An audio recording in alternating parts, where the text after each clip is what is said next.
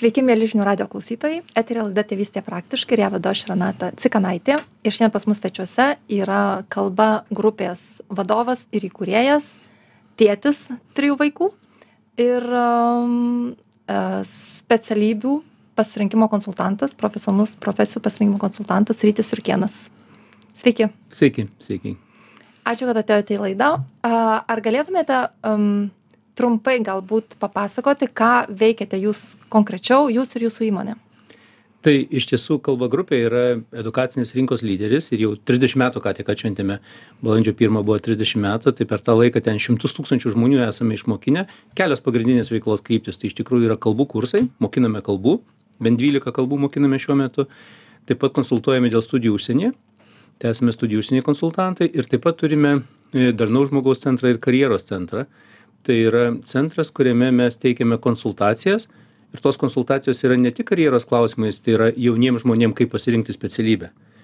Bet mes naudodami instrumentais konsultuojame ir žmones kurie galvoja keičiant profesiją kai jie nežino savo gyvenimo kelio ir nori pažiūrėti kaip.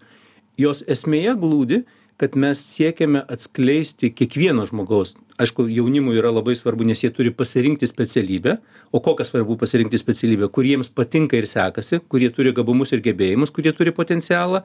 Suaugę žmonės lygiai taip pat ne visi jaučiasi kad yra savo kelyje kad jie daro tai gyvenime ką turėtų daryti. Mhm. arba daro gyvenime kokį tai pokytį arba kitokie tai dalykai.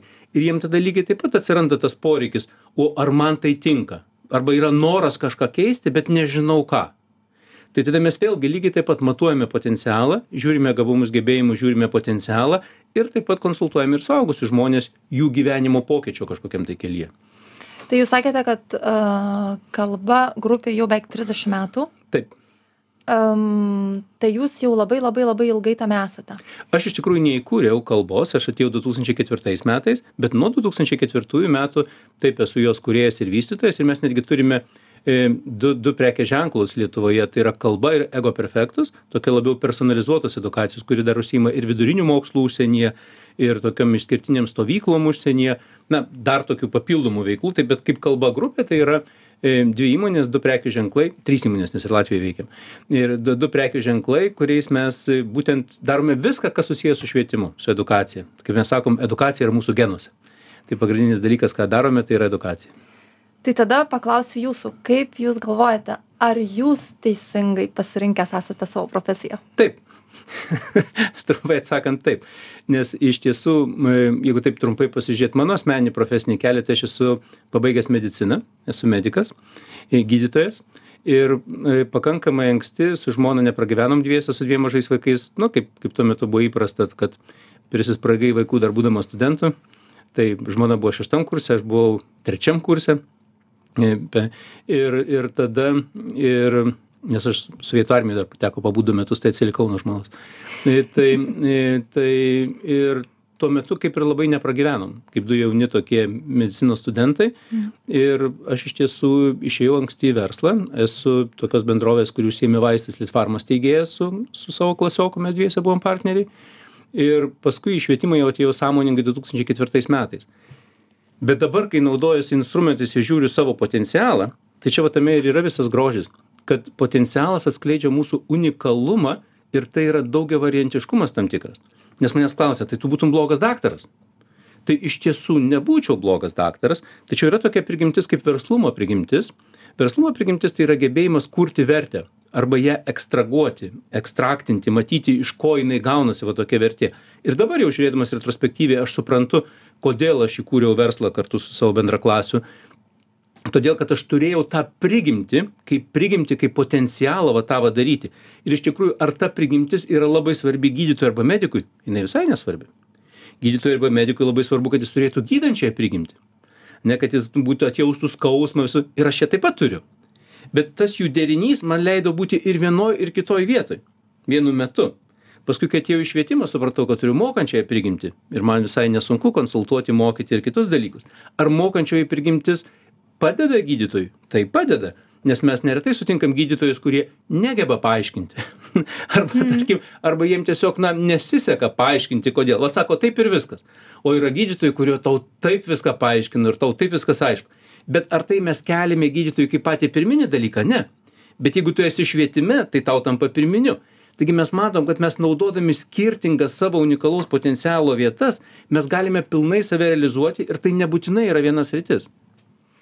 A, Aš esu skaičiusi tokią knygą, nežinau, ar jinai išversta lietuvių kalbą, angliškai vadinasi The Range, tai lietuviškai būtų gal kaip plotis.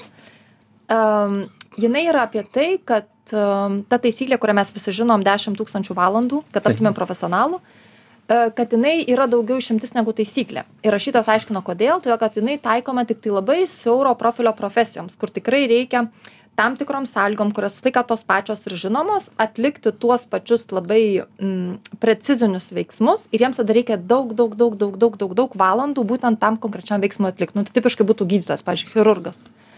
Bet kad visose kitose profesijose žmonės, kurie ateina, kurie tas 10 tūkstančių valandų praktikos būna įgaunę labai plačiose patirtyse ir kuo platesnės, tuo geriau, jiems uh, karjera, mm, kaip čia pasakyti, tikriausiai e, sekasi labiau, nes jie turi tą tokį platų profilį ir galbūt platesnį matymą negu žmogus, kuris tai būtų specializavęsis visą laiką tik tai vienoje srityje. Ką Jūs apie tai manote?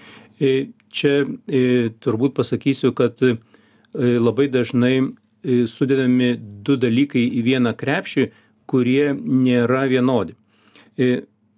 Remiantis potencialo teorija, tai yra daugialypių prigimčių ir intelektų teorija, taigi net nėra teorija kadangi mes visi turime tuos potencialus tai hovardas gardneris išgrynino daugybinius intelektus multiple intelligences o styvenas rudolfas prie jų pridėjo daugybines prigimtis arba natures ir tos natures jisai jų nesugalvojo jom yra daugiau kaip trys tūkstančiai metų vat mūsų palinkimas kažką tai daryti. Mhm. ir kai mes matuojame potencialą tokie du kraštutiniai to potencialo dalykai tai bus tas vadinamas monopotencialas arba multipotencialas. Ir labai dažnai mes skaitome knygą daryk vieną darbą visą gyvenimą kaip aš ir būsi labai sėkmingas. Ir tu matai kad tai žmogus yra unipotencialas.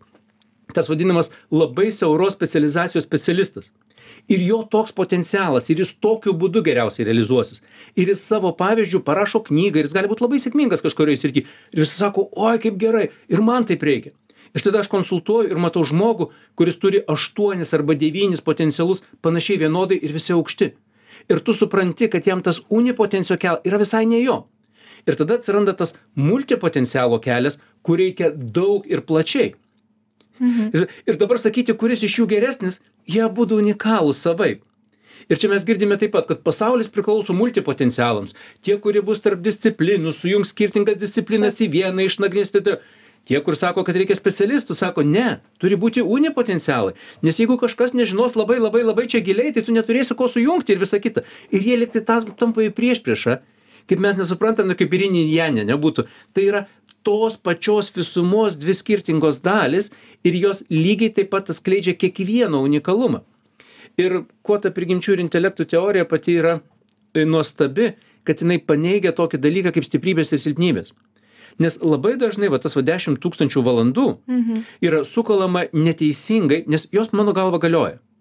Tik tai jeigu tu esi multipotencialas, tau sunkiau surinkti aštuoniose srityse 10 tūkstančių valandų, nes tau reikia jau 80 tūkstančių. Tai galbūt tu jau po penkis surinkęs, bet tu jau turi 40 tūkstančių. Ane? Reiškia, negu tam, kuris turi vieną ir jam reikia surinkti 10 tūkstančių.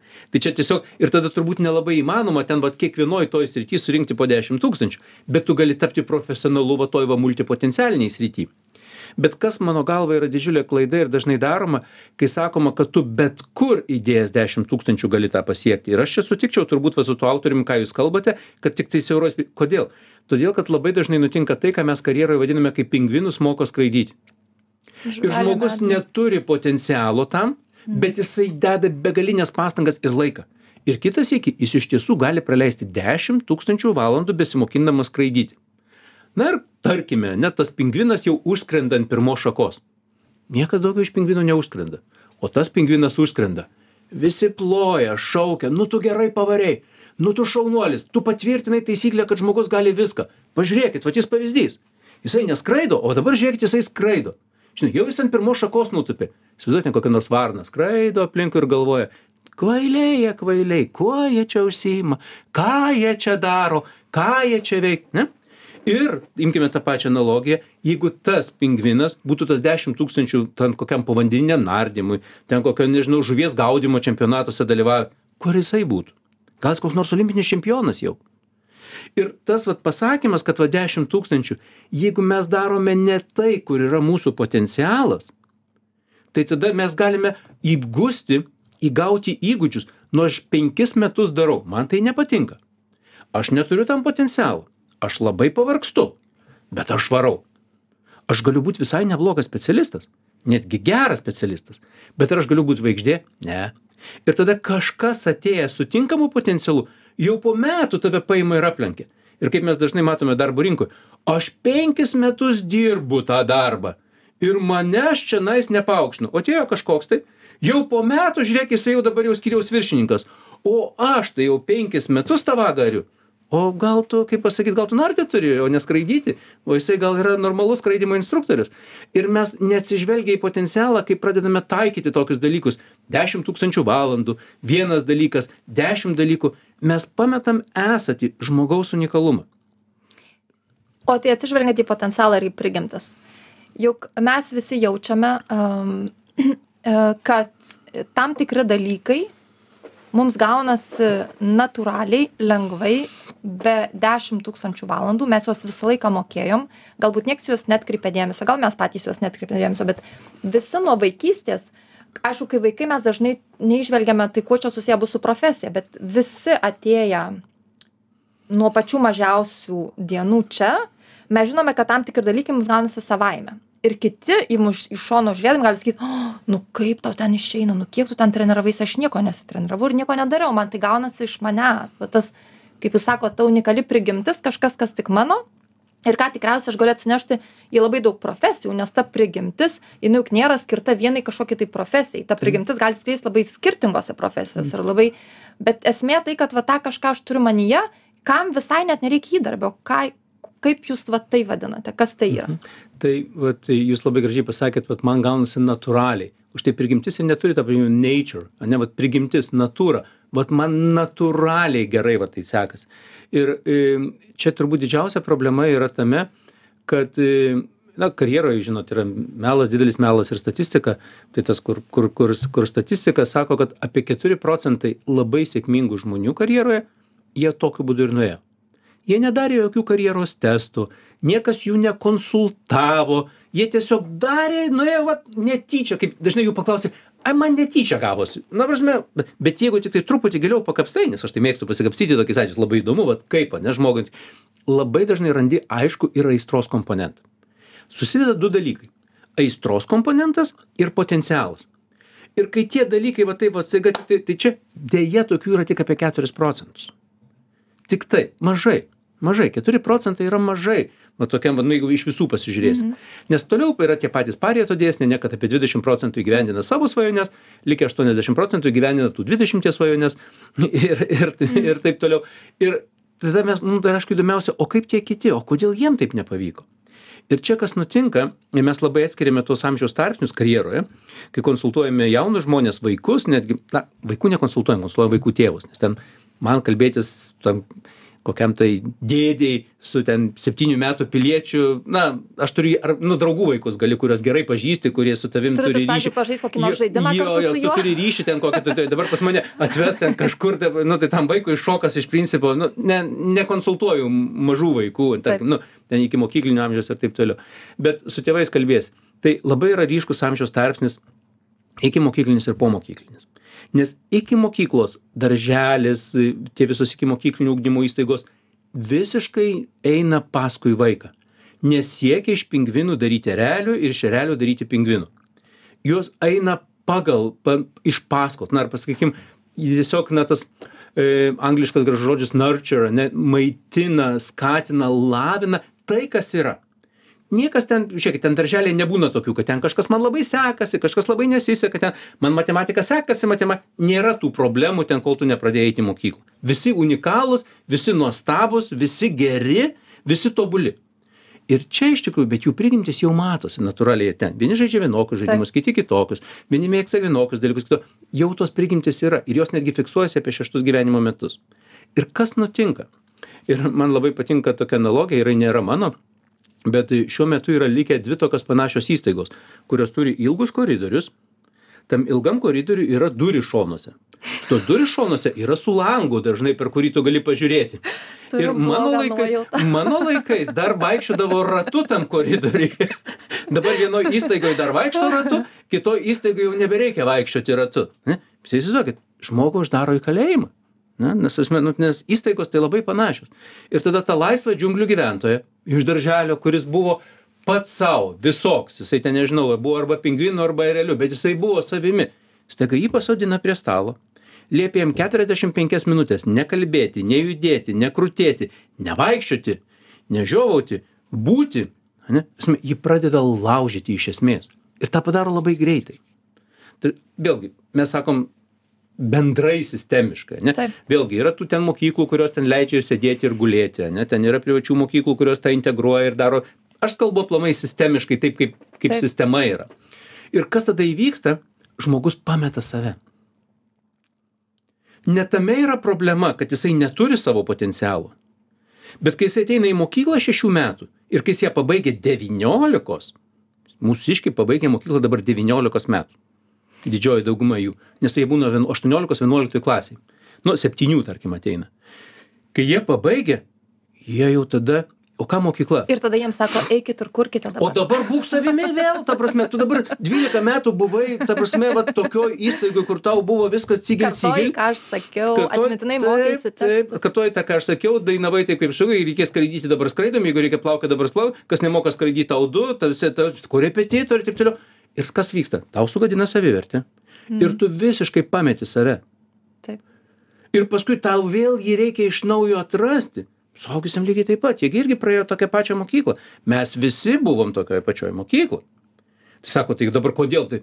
Taip, bet tada mes tas savęs atradimas ir tada, kas nutinka, tu konsultuoji, standartiškai mes konsultuojame jaunus žmonės 9 pabaigoje, 10 pradžioje. Nu, toksai, kaip sako, kada geriausias laikas. Tada, kai reikia rinktis. Nu, kai mes, dar, mes naudojamės ten dviem instrumentais, naudojamės ten ilgos tos konsultacijos, bet tai mes darome va, 9 pabaigoje, 10 pradžiai. Kodėl? Todėl, kad 10 pabaigoje jiems reikia rinktis dalykus 11 ir dar galima daugybę dalykų padaryti, jiems dar nereikia rinktis specialybės. Ir nereikia to kartoti. Kartais jau, gal, jau galima daryti nuo 14 metų, tai jau 8 kartais darome, bet ne visi 8 dar savirefleksiją normaliai gali turėti ten, nu, jiems dar ne visada galvoj būna visokie dalykai. Bet, bet ir kas ten nutinka? Ir tu randi tokius atradimus. Ir pats žmogus nežino, kad jis jau turi. Jisai to nejaučia. Ir tada kas gaunasi, tu kalbi su juo, tu matai, jisai tau patvirtina, jo. Ir mama sako, jo tiksliai jis darė taip ir taip. Ir ta, visi turi patvirtinimus. A jisai nejaučia. Mhm. Ir kaip dabar jam tą išjausti? Tai jeigu jį pas jį užsikabino kažkur giluminė staiga suskambo, jisai galvoja, aha, jisai dar turi laiko kažką padaryti, pasižiūrėti tą pusę. O jeigu ne, tai tada prasideda, aha, nu jeigu gerai mokasi, tai tau yra tik teisė ir medicina, dvi specialybės ant Lietuvos. Nes, nu, kur daugiau eiti, jeigu tu gerai mokasi. Visur kitur taigi yra nesąmonė. Nes čia yra vat pačios dvi geriausios. Ir patikėkit, yra krūva nelaimingų daktarų ir 80 procentų teisininkų nedirba teisinio darbo. Ne? Mhm. Ir taip toliau, ir taip toliau. Ir tada vat pradeda galioti tos visi parietai, visi 20-80, tik tai 4 procentai natūraliai save realizuoja. O juk kiekvienas jaunas žmogus 100 procentų, 9, 10, net ir 12 klasiai, turi visą potencialą, kad būti laimingu ir sėkmingu kažkokia tai srity. Nėra nei vieno, kuris neturėtų pakankamo potencialo. Kadangi man irgi patinka kapstytis, uh, tai sekantis klausimas tikriausiai toks labai kompleksiškas ir be atsakymo, bet vis tiek aš noriu užduoti garsiai.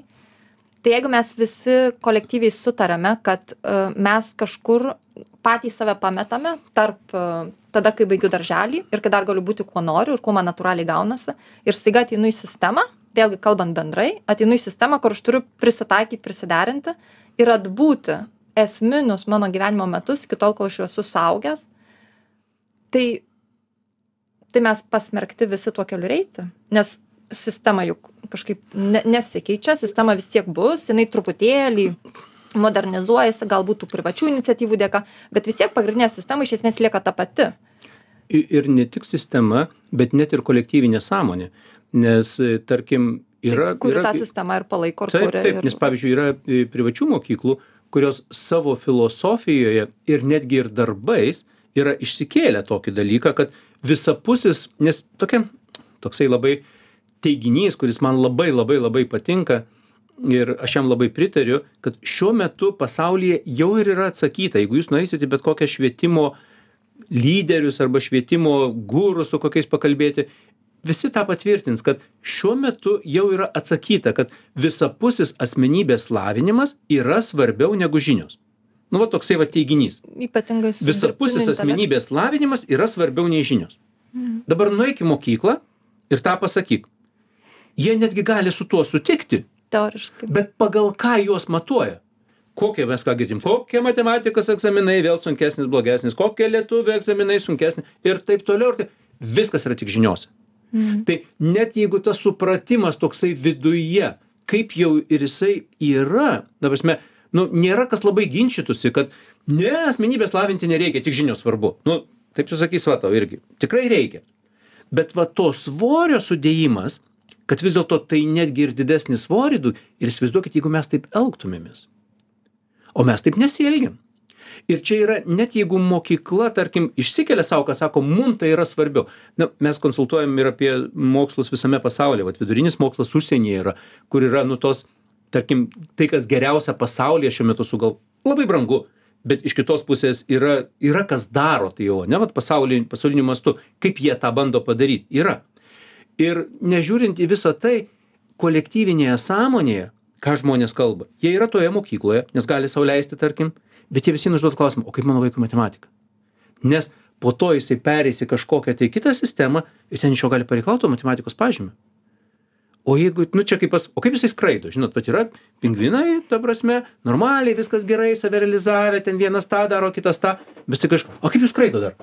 Tie pingvinai staiga susigužė ir galvoja, "E, kažkodėl erelio kaip jie nardo, tai labai neklausia. Ne? Bet vat pingvinų kaip jie skraido, tai kažkodėl pradeda klausinėti. Ir štai čia ir turbūt turi įvykti tas kolektyvinės sąmonės pokytis, nes kol tai neteis iki tėvų, kol tėvai nenorės, kad mano vaikas turėtų matematikos, lietuvių ir dar kažko tai pažymi, o ne visapusis lavinimas tėvam patiem būtų svarbus lygiai taip pat. Tai tai nepasikeis, na, iš esmės, nes negali mokykla, kad ir pati geriausia, jie nuveda į tą labai gerą mokyklą, kuri, tarkim, visapusio asmenybės lavinimu ir to nevertina. Nes mano vaikas vis vien neskraido. Mano vaikas neturi 10 iš matematikos, o jo vat klasiokas turi. Arba, ma, o jo klasiokas, arba jo kaimynas, kuris eina į kitą mokyklą, kurie visai neužsima visapusio asmenybės lavinimu, bet jis ten matematikos turi 10. O maniškis, va šitoj, kur užsima visapusio lavinimu, turi tik tai 6. Nu tai nieko čia gero. Ir mes visiems pametam tą dalyką. Aš pagalvojau, kad um, tikriausiai uh, neįmanoma. Na, čia toks kaip Sizifo darbas. Aš pagalvojau lygiai taip pat um, tėvai, kurie domis uh, visais šitais klausimais, apskritai um, samoningumo galbūt klausimais. Jie visą laiką ateina su tuo lūkesčiu, kad um, pasakykit, pas kokį uh, specialistą nuvesti vaiką, kad jisai, nežinau, uh, mokėtų matematiką, būtų draugiškas, dalintųsi žaislais uh, ir, ir panašiai, ką man tam vaikui padaryti, kad jisai kažko tai išmoktų. Ir atsakymas, kuris laiką suveda į mus, kad iš esmės mes juk esam pavyzdys, kai jūs kalbate apie tą kolektyvinę sąmonę. Mes negalime jos pakeisti, jeigu mes reprezentuojam vieną, o vaikui sakom iš vadovėlio, trečias puslapis, ketvirta pastraipa ir perskaitau, va tu taip gyvenk. Bet Mhm, aš gyvenu visai kitaip. Tuk tai neprigis. Tai vadinasi, tas Sizifo darbas visai atkreiptas į mus pačius. Tai aš turbūt tas pavyzdys, kuris turi gyventi gyvenimą, kuris man patinka, dirbti darbą, kuris mano, išpildyti tai, kas natūraliai man duota, mano potencialas ir tikėtis, kad tas pavyzdys ir bus įkvėpimas visiems tiems, kurie eina. Ir, ir, yra tų, ir yra tų tėvų tokių, negali sakyti, kaip aš duodu tos pavyzdžius, kur tėvai lieka toj kolektyviniai sąmonėje ir neįsivertina tos svarbos visapusės asmenybės lavinimo, bet lygiai taip pat yra, kurie ateina ir supranta, kad, nu, tarkim, jau aštunta klasė.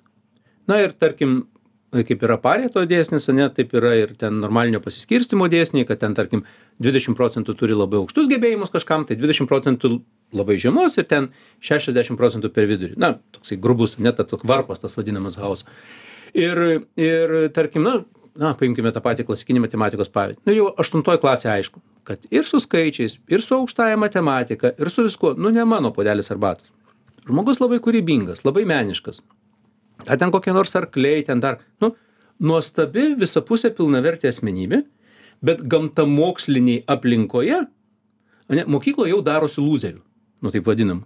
Jau mokytojai, ai čia tas galiorka, nieko iš jo nebus, jau taps, jam kon, pastoviai konkrečiai gadina savivertę.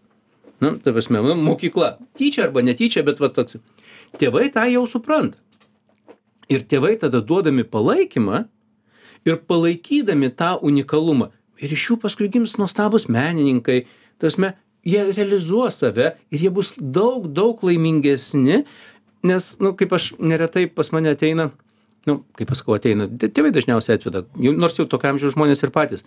11, 12 klasė, vidurkis 9,5, galva įtraukta į pečius, užduoti klausimą bijo atsakyti, nes nežino, ar teisingai atsakys.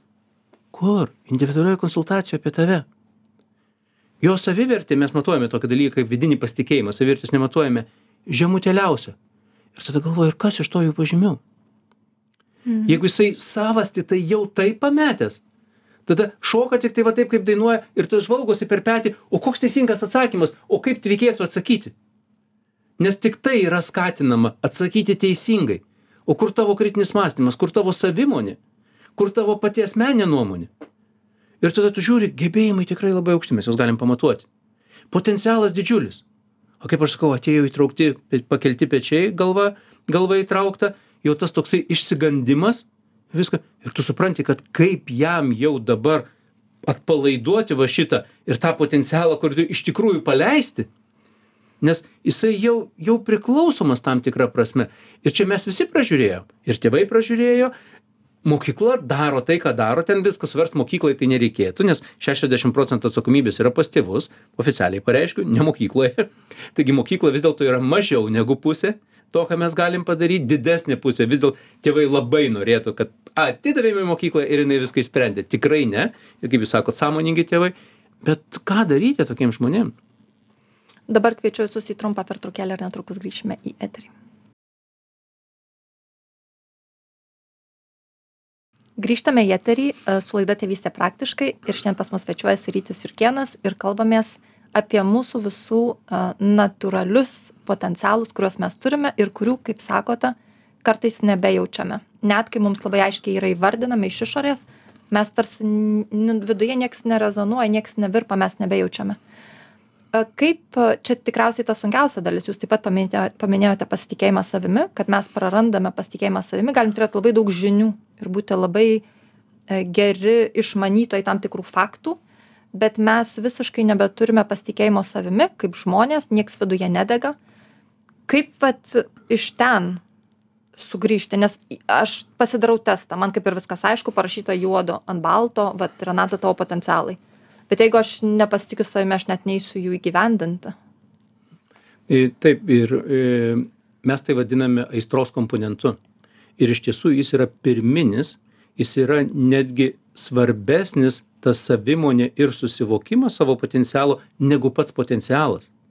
Nes kaip jūs labai gerai sakote tu gali turėt potencialą ir visiškai neturėt na tos aistros arba nu kas yra aistra vat.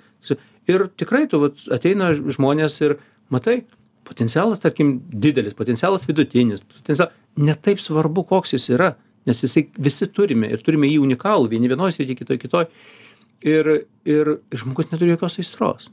Jisai toksai hm, toksai nei žuvis nei mėsa. Hm, toksai ką nežinau. Tau kas nors įdomu? Nežinau. Nu ten socialiniai tinklai? Nu jo. Ten žaidimai kokie? Nu jo. Ten bet jisai tokio vat natūralu juos pas mus tėvai kaip aš sakau dažnai atveda. Arba kita kategorija būna geri vaikai.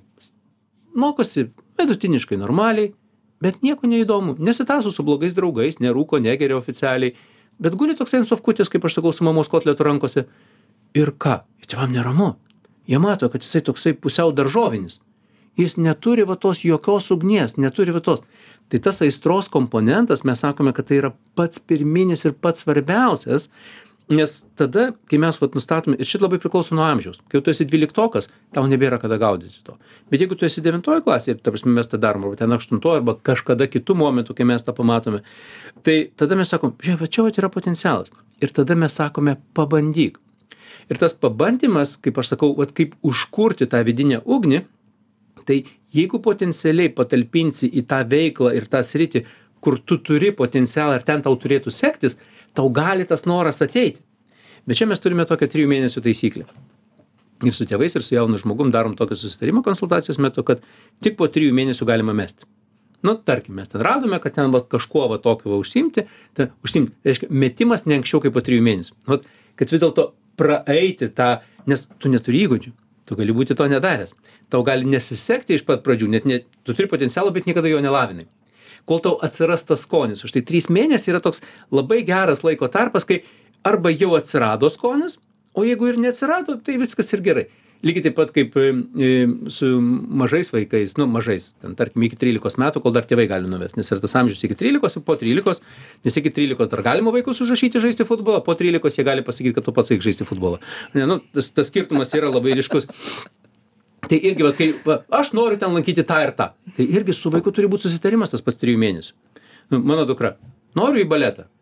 Nu kaip pasakyt nu devyniasdešim devyniem iš šimto aišku kad jinai ne balerina. Nu nelabai sportiška nu vat sportas ne jai kaip ir bet labai muzikali. Labai muzikali muziką labai girdi viską jai patinka baletas. Gerai susitarėm tris mėnesius. Nu ir visiem aišku kad po tų trijų mėnesių jinai sako nu žinai gal aš jau to baleto nebe. Nu ir gerai nebe bet turi būti va tas toksai kad vat aš iš tikrųjų praėjau aš iš tikrųjų pats pajutau. O ne taip nuėjo dvi savaites nepatiko mokytojas man nepatiko ten chebra ten visi kvailiai ten visi gudruoliai arba ten dar kažkas. Ir tada ir nes tai mes nuslysime paviršiuj ir tos savasties neužkabinsime.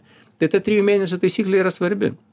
Tai suaugiems, suaugusiems lygiai taip pat, jeigu aš kaip suaugęs atėjau pas jūs, nes jaučiuosi pasimetus savo, kur esu, ir, ir tam tikrus potencialus jūs įvardinat, bet aš jų nejaučiu, tai lygiai taip pat suaugusius jūs e, skatinat išbandyti tris mėnesius kažką ir pajusti savastį su suaugusiais truputį kitaip nes suaugę jau turi dažniausiai ir patirtį. Išskyrus tuos suaugusius kurie turi tik išsilavinimą.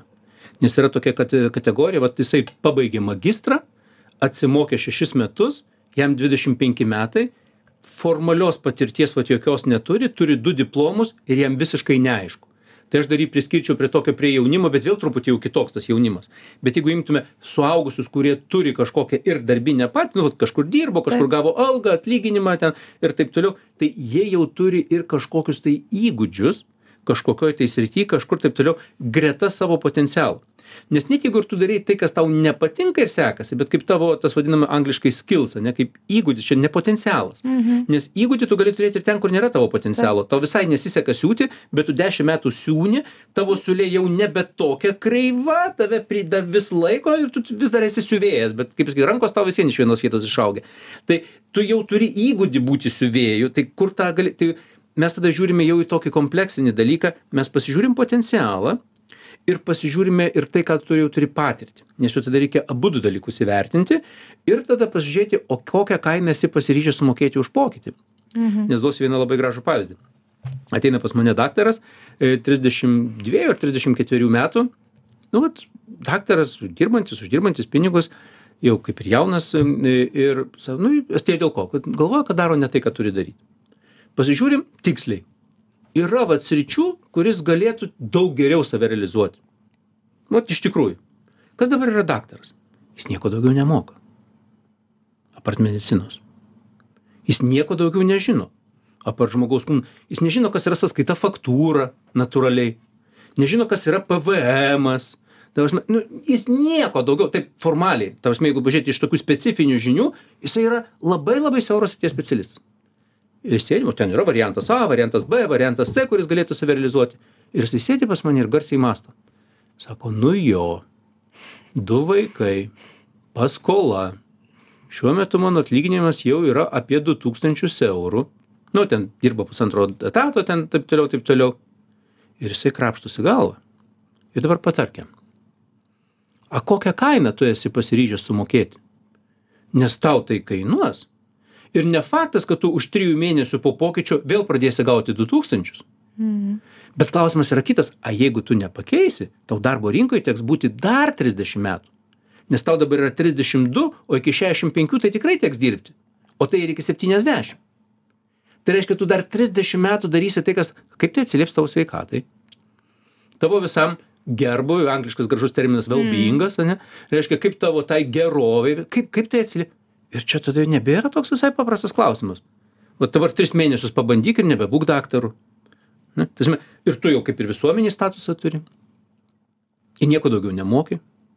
Vat už tai nepasirinkimas savo laiku tinkamai gali būti tam tikri spąstai. Ir kartais tie spąstai gali būt visai rimti. Va tu pabandyk išeit. Vat aš pats išeidinėjau iš medicinos. Begalinis spaudimas iš išorės tai kaip dabar tu? Vienuolika metų prasimokinai ir dabar nebūsi. Taigi sakau bet aš nepragyvenu aš du vaikus turiu. Man moka aštuonis šimtus tuo metu penkis šimtus talonų mokėjo kas buvo dešim dolerių. Sakau aš ta prasme gaunu dešim dolerių per mė aš nepragyvenu. Man tėvai negali šiuo metu padėt. Nu tai nesvarbu bet nu svarbu nesvarbu bet yra ką bet tai man tai ten santykinai buvo lengva nes aš negavau tų dviejų tūkstančių eurų tuo metu. O jeigu būčiau gavęs klausimas kaip būtų susiklosčiusi mano karjera. Ne va ta prasme tokiam gyvenime už tai tas pasakymas kad suaugę vat jūs va o va taip vat paimsit ir pakeisit bet už tai tu turi alternatyvas. Ir tu matai. Bet yra žmonių kurie keičia iš esmės. Dirbo banko filialo vadovu nuėjo į fotografiją. Atsidarė saloną dabar fotografas. Visą gyvenimą mėgo fotografuot yra ir tokių pavyzdžių kur žmonės visiškai kardinaliai pakeičia tą kryptį. Dirbo vieną dalyką tapo profesionaliu kauču dabar dirba kitą darbą tikrai žmonės pakeičia ir labai kardinaliai bet tai turi kainą. Ir ją reikia būt pasiryžus sumokėti. Man atrodo laiką keisti tikriausiai lengviau kai mes jaučiam viduje kad labai labai sunku taip gyventi tikrai prieinam tikriausiai tokį tašką kur jauti viduje kad nu tu nebegali daugiau gyvent savo gyvenimo ne nebūtinai kad tu galvoji apie kažkokią tai savižudybę bet tu jauti kad nieks tavęs netenkina tau visos dienos niūrios santykiai prasti tu nuolat blogos nuotaikos į darbą vien pagalvojęs kad šiandien pirmadienis tu jauti kaip fiziškai kūnas nesikelia iš lovos prarandi energiją taip iš Ir karto vien tada tikriausiai pagalvoju, kad, nu, gal ir nežinau, ar mokėčiau tą kainą savo valia, bet taip gyventi daugiau irgi nenoriu. Ir tą kainą susimokė. Ir labai dažnai pokytį padaro kūnas žmonės e, atsiranda ligoninėj taip susirga. iš darbo vietos. Ir tada jie padaro tą pokytį, nes jiem tada jau, kaip aš sakau, iš viršaus parodo arba monitorius prijungto ap- aparato rodo, kad sekantis kartas gali būti paskutinis. Mm. Tai, tai, tai čia, žinot, grįžtant prie vaikų, e, labai gražu yra tame, kad e, potencialas matosi vaikuose. Ir iki šešių metų mes galime tai matyti plika akim. Mhm. Reiškia, mes visi tėvai savo vaikų potencialą prigimtis. Nes intelektai, tie gebėjimai, jie lavinami iki 14 metų, jie dar gali prasiplėsti, ten kaip loginis, ten kiti, bet tos prigimtis, kam žmogus turi polinkį, kam yra linkęs, matosi. Ir mes nekartą turėjome tėvus, kurie atveda savo vyresnį, nu ten tarkim kokį ten 15 metų, 16 metų ir turi mažiukus. Sakau, o kaip mums dabar pažiūrėti, va į juos? Tada jie pasidaro patys savo, nes tik pažindamas savo gali pradėti matyti Taip. Nes čia su tėvų perkelimu yra visa atskira tema. Kaip mes vaikuose norim matyti savo kopijas, o jie pasirodo yra unikalūs. Jie yra dviejų darinys, kūrinys, ne? Ir jie net patys iš savęs ir dar, ir dar irgi. patys iš savęs Taip. jie tą unikalumą. Ir tada maityti savo vaike ne savo pratesimą, kas visuomet labai faina. Mes labai norime matyti, o kaip aš, o kaip mama. Na, na toksai, mano pasididžiavimo jausmas. Ir, ir kaip gražu būna matyti, kai ateina, labai turėjau gražų pavyzdį, ateina tokie, nu kaip aš sakau, du aukščiausio lygio finansistai, nu tokie logikai, logikai, logikai, skaičiai, skaičiai, skaičiai, lentelės, lentelės, nu tokie žmonės, bet jie natūraliai tokie, va, ne Taip. tokie, nu tokie super, super logikai. Ir jie Taip. daro tai, jiems patinka, jiems gerai sekasi. Ir, ir jų sunus nori būti muzikos komponuotoju. Ne, tokie plaukai, va tokie, sme, visiškai, kaip pasakyti, kito pasaulio gyventojas. Kairė va, taip- rankis galbūt Nu, nu, net. te- nu, ten su ta ranka neatsimenu, bet, bet, bet kaip vat su tėvais važiuojant, ne, ir, ir taip, ir, ir taip, ir matai, ir suprantu, aš suprantu, kaip jiems sunku, nes, Baisu. nes jie to net nelabai, vat, jie neįsivaizduoja to, nes jie Mhm. neturi tos perspektyvos. Kas įdomiausia, potencialą pasižiūri ir tas sunus labai logiškas. Tasme, irgi ten logika pas jį ten, šu, tokia ten, nu, ten galima išsimatuoti tos dalykus, bet toj muzikos komponavime jos reikia. Tasme, tos logikos, nes ten loginės sekos iš esmės dėliojasi. Ir jam tinka tai, apie ką jisai galvoja. Ir labai gražu buvo stebėti, kad tėvai tai yra prieėmę. Jie atėjo pasitikrinti dar va taip pat iš šalies, bet pas juos nėra, kad jie galvoja, kad jisai ten kvailas, kad jam tenais, jie mato, pats jisai išmoko groti muziką, muziko, nesimokino niekada, per metus išmoko. Pats, ne, at- aistros komponentas atsiradė. Ir tėvaigi mato. Bet jie ateina pas jį nes jiem neramu. Na nes ar čia tikrai vat viskas ar čia nėra na kaip tėvam daugiausiai būna neramu kai jie visiškai to dalyko nepažįsta ar tai nėra kokia tai užgaida? Nu kad būti kitokiu negu tavo tėvai. Ir kad tada kad nebūti kitokiu negu tavo tėvai kad ir tu matai tai tas tie mylintys tėvai jie yra nuostabu ir iš tikrųjų jie jie gali leisti tau būt bet tas aistros komponentas. Ir tada kai yra tas aistros komponentas iš esmės kliūčių nebėra bet vat ją pažadint kai tau ją slopina tos įstaigos nuo dvylika metų kryptingai. Nu ne visus slopina kai kam pataiko. Kai kas ten jaučiasi kaip žuvis vandeny. Bet ne visi. Prasme tai va tai tas toksai. Ačiū labai jums ryti už pokalbį. Ačiū jums. Ačiū visiems klausytojams. Sakau iki kitos savaitės o laidos įrašą galite perklausyti žinių radijas taškas lt svetainėje